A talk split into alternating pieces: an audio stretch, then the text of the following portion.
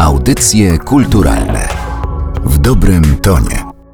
Przy mikrofonie Aleksandra Galant rozpoczynamy kolejne spotkanie w audycjach kulturalnych z małymi przygodami po drodze, ale najważniejsze, że wszystko udało się opanować. Tym bardziej z wielką przyjemnością witam Anię Karpowicz. Anię Karpowicz, która jest inicjatorką, pomysłodawczynią i chyba takim sercem przedsięwzięcia, które się nazywa Warsze Muzik. To, co można powiedzieć na pewno, to to, że są to wydarzenia, jakich do tej pory nie było, a mam nadzieję, że więcej o tym opowie już sama Ania. Dzień dobry. Zacznę w bardzo prosty sposób i mam nadzieję, że pomożesz mi tę historię rozwinąć. Grupa muzyków, są to zarówno wiolonczeliści, osoby grające na skrzypcach, altówkach, pianiści, soliści, spotykają się i koncertują na podwórkach kamienic wolskich ostańców. Te miejsca są kluczowe. Każdy z programów muzycznych jest szyty na miarę. Nazywamy się festiwalem. Po kilku latach dodaliśmy tę nazwę Festiwal Warsze Muzik z tego względu, że jest to święto. Jest to święto dla nas, jest to też święto dla mieszkańców tych kamienic, które odwiedzamy. No i też jest to impreza cykliczna, doroczna.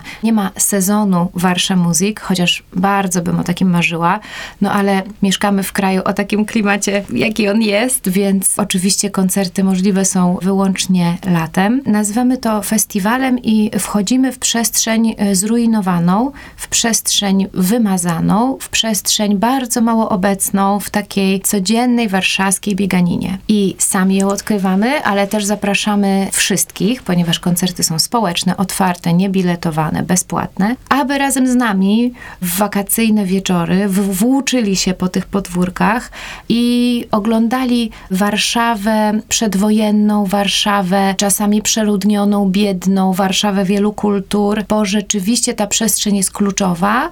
Można w niej doświadczyć tej Warszawy, której już nie ma, tego miasta, które bezpowrotnie umarło w 1944 roku. To jest takie przeniesienie się w czasie. Wracamy do świata, którego już nie ma, między innymi za pośrednictwem tych kamienic, ale sposób, w jaki występujecie, jeszcze to wrażenie potęguje, bo artyści są ubrani, zachowują się tak, jakby występowali w filharmonii, jakby występowali na bardzo poważnym, oficjalnym koncercie, są elegancko ubrani, natomiast anturaż jest zupełnie inny. Do tego w oknach pojawiają się słuchacze, sąsiedzi, panie, które wykładają sobie poduszki na parapety i też was słuchają. Ja jestem wielką orędowniczką dostępności i warto sobie uświadomić, że siedzimy tutaj w Narodowym Centrum Kultury. Wiele dużych instytucji z wielkimi środkami ma taką misję i taki cel i bardzo chce właśnie rozwijać publiczność, oferować programy bezpłatne i wkłada też w to wiele wysiłku. Ale warto pamiętać, że wiele osób jest w takim punkcie zero, to znaczy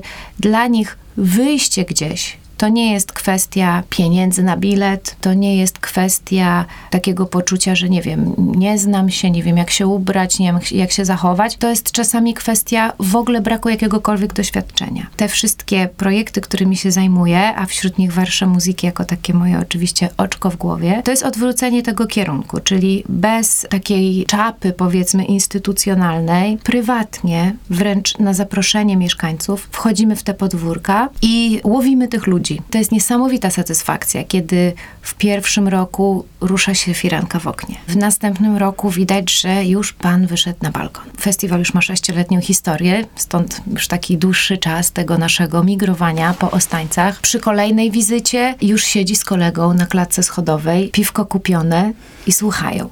A pamiętajmy, że to nie jest muzyka jazzowa, piosenki rozrywkowe przedwojennej Warszawy. To jest bardzo poważna muzyka, poważna. To są utwory trudne często. Ja nawet od melomanów często słyszę, że na przykład muzyka Mieczysława Weinberga jest uznawana za niezwykle trudną w odbiorze i wymagającą. No i kiedy w końcu ten pan za którymś razem siada na leżaku w pierwszym rzędzie, to się czujesz, jakbyś po prostu wygrała złoty medal na olimpiadzie i grają ci hymn polski. Jest niezwykłe wzruszenie i też niezwykła satysfakcja. Namówienie mieszkańców i w ogóle też mieszkańców tutaj Mirowa, bo oni migrują za nami, podążają za nami w tych naszych wędrówkach, że pozyskiwanie tej zupełnie nowej publiczności przynosi taką radość, jakiej nie daje granie w żadnej filharmonii. W tym roku można powiedzieć, że miejscem, które was gości, albo miejscem, do którego zaprosiliście się sami, jest kamienica pod zegarem przy ulicy Chłodnej 20. Opowiadamy historię Warszawy za pomocą pomocą muzyki klasycznej. To bardzo wdzięczne. Nie potrzebujemy słowa, nie potrzebujemy niczego nazywać. Jest to też bardzo takie właśnie zapraszające i na takim poziomie pewnym, symbolicznym się rozgrywa. Kamienica pod zegarem w tym roku dlatego, że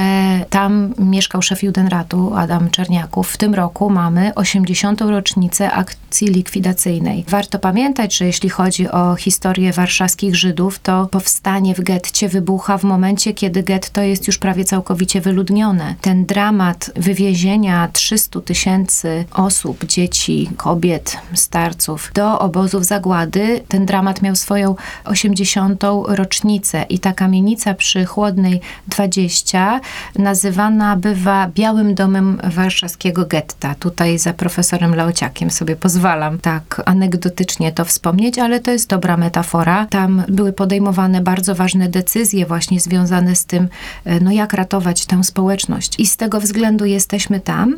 A drugi taki ważny argument za tą lokalizacją to jest rzeczywiście wspólnota mieszkańców. Czujemy się fantastycznie. To już jest nasza kolejna współpraca i zarówno administracja, jak i sami mieszkańcy już nas znają. Czujemy się niemalże jak u siebie w domu i czujemy się bardzo zaproszeni.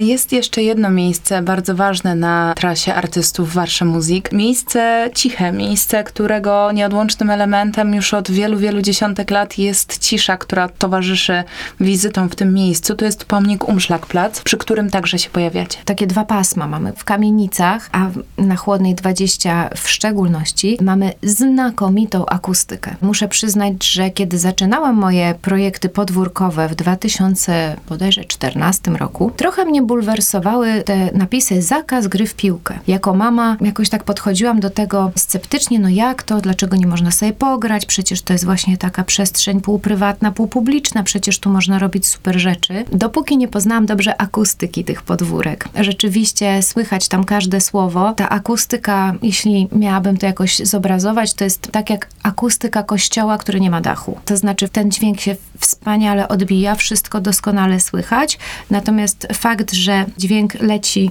do nieba, powoduje, że nie ma tego elementu właśnie odbicia z góry, czyli takiego huczenia, czy pewnego rodzaju tumultu, jaki występuje właśnie na przykład w świątyniach i bywa problematyczny. Także akustyka podwórek jest znakomita. A mówię o tym dlatego, że akustyka pomnika Umschlagplatz jest tragiczna. Jeśli chodzi o granie muzyki klasycznej, to jest skrajny dyskomfort. Muzycy czują się tak, jakby grali na przystanku tramwajowym. Przejeżdżają samochody, przejeżdżają motory, skutery, przejeżdża tramwaj na ulicy Stawki i są momenty, kiedy te dźwięki miasta całkowicie zagłuszają muzykę. I po pierwszych interwencjach mieliśmy takie spotkanie tradycyjne pofestiwalowe i taką rozmowę, no co z tym robimy? Trudno powiedzieć, żeby można było tam naprawdę odbierać muzykę klasyczną. I rozmawiałam wówczas też z panią Hanną Schmalenberg, projektantką tego pomnika. I ona nas bardzo prosiła, zostańcie. Ja projektowałam ten pomnik nie jako właśnie jakąś figurę, jakiś obelisk, jakiś łuk, nie wiem, jakąś formę taką powiedzmy rzeźbiarską. To jest miejsce spotkania. Ten pomnik ma formę takiego prostokąta, jest to odwzorowanie wagonu i przez to takie przymknięcie z trzech stron ma być właśnie taką przestrzenią, do której się wchodzisz, żeby zatrzymać się i żeby jakoś przez chwilę poczuć to miejsce, zastanowić się nad jego historią. Więc pomnik Umschlagplatz, tak, jest w nim często cisza, w znaczeniu takim, że poza naszymi akcjami nie słyszałam, żeby tam były organizowane koncerty, ale właśnie rozumiem to, bo to nie jest miejsce koncertowe zupełnie. Jednak zostajemy tam i traktujemy te koncerty jako pewien rodzaj też instalacji dźwiękowej, która rozmawia z dźwiękami miasta. No i jeśli mówimy o dyskomforcie, to jest on zapisany w tym miejscu. Nie wyobrażam sobie, żeby do pomnika wnosić krzesła.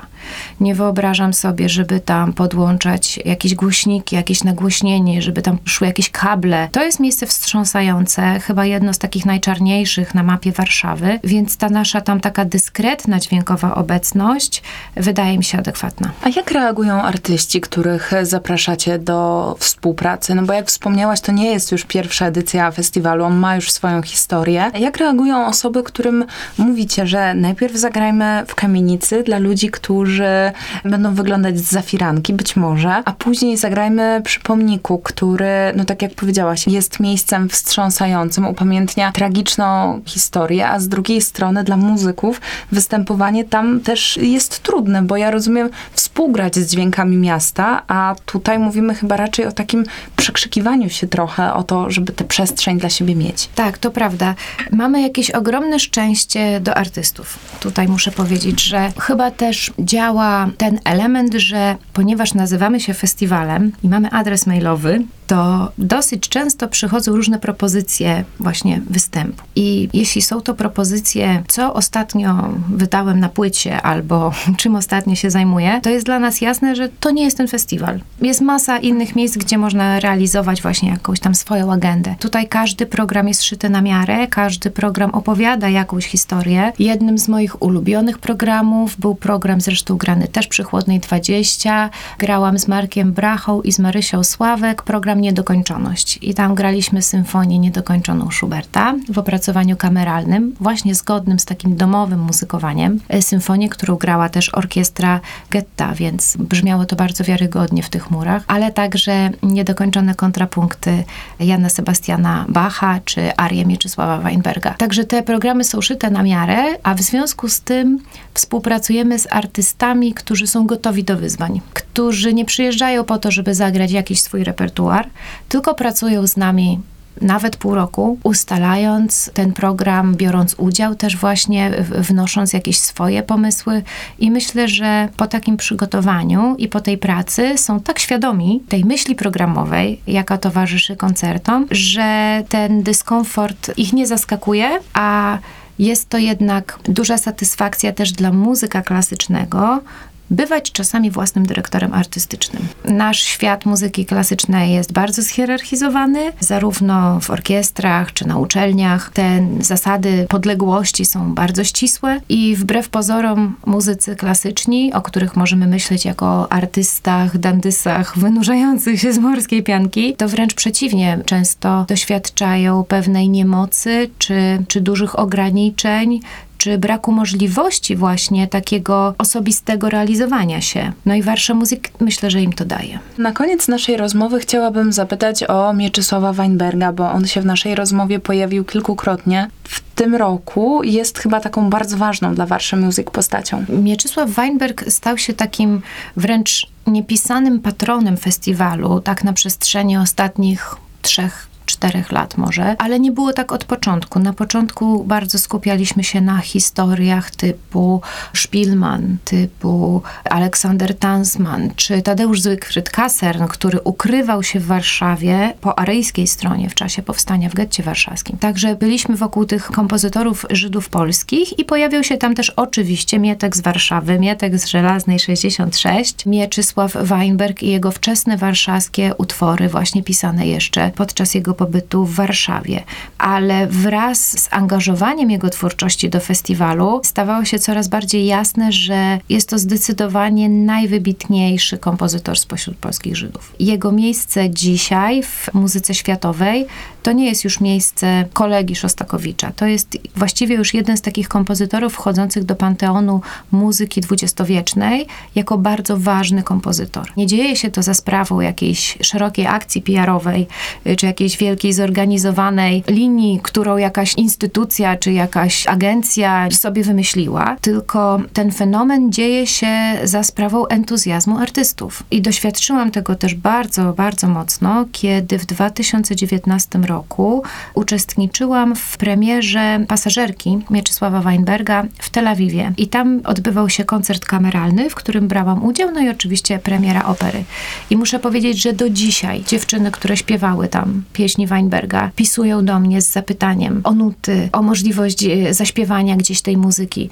Więc Weinberg ze swoją złożoną tożsamością, z niezwykłą wyobraźnią dźwiękową i niezwykłym wyczuleniem też na instrumenty, znakomity instrumentator, genialnie traktujący głos ludzki, ale również świetnie wykorzystujący mój instrument, czyli flet, pociąga po prostu i to jego miejsce jest coraz ważniejsze i czuję, że na świecie Weinberg nie potrzebuje już za bardzo promocji. On już promuje się sam. A to, co warto opowiadać, to to, że nie był to kompozytor sowiecki, że to polski Żyd, który do końca życia mówił po polsku, nazywał się Mietkiem, miał dwa tysiące polskich książek, a nad jego biurkiem wisiał tylko jeden portret Juliana Duwima. O festiwalu Warsza Muzik, który już po raz kolejny odbywa się w Warszawie w sierpniowe popołudnie, weekendowe popołudnia, opowiadała jedna z inicjatorek tego wydarzenia, Ania Karpowicz. Bardzo dziękuję Ci za rozmowę. Dzięki. Audycje kulturalne w dobrym tonie.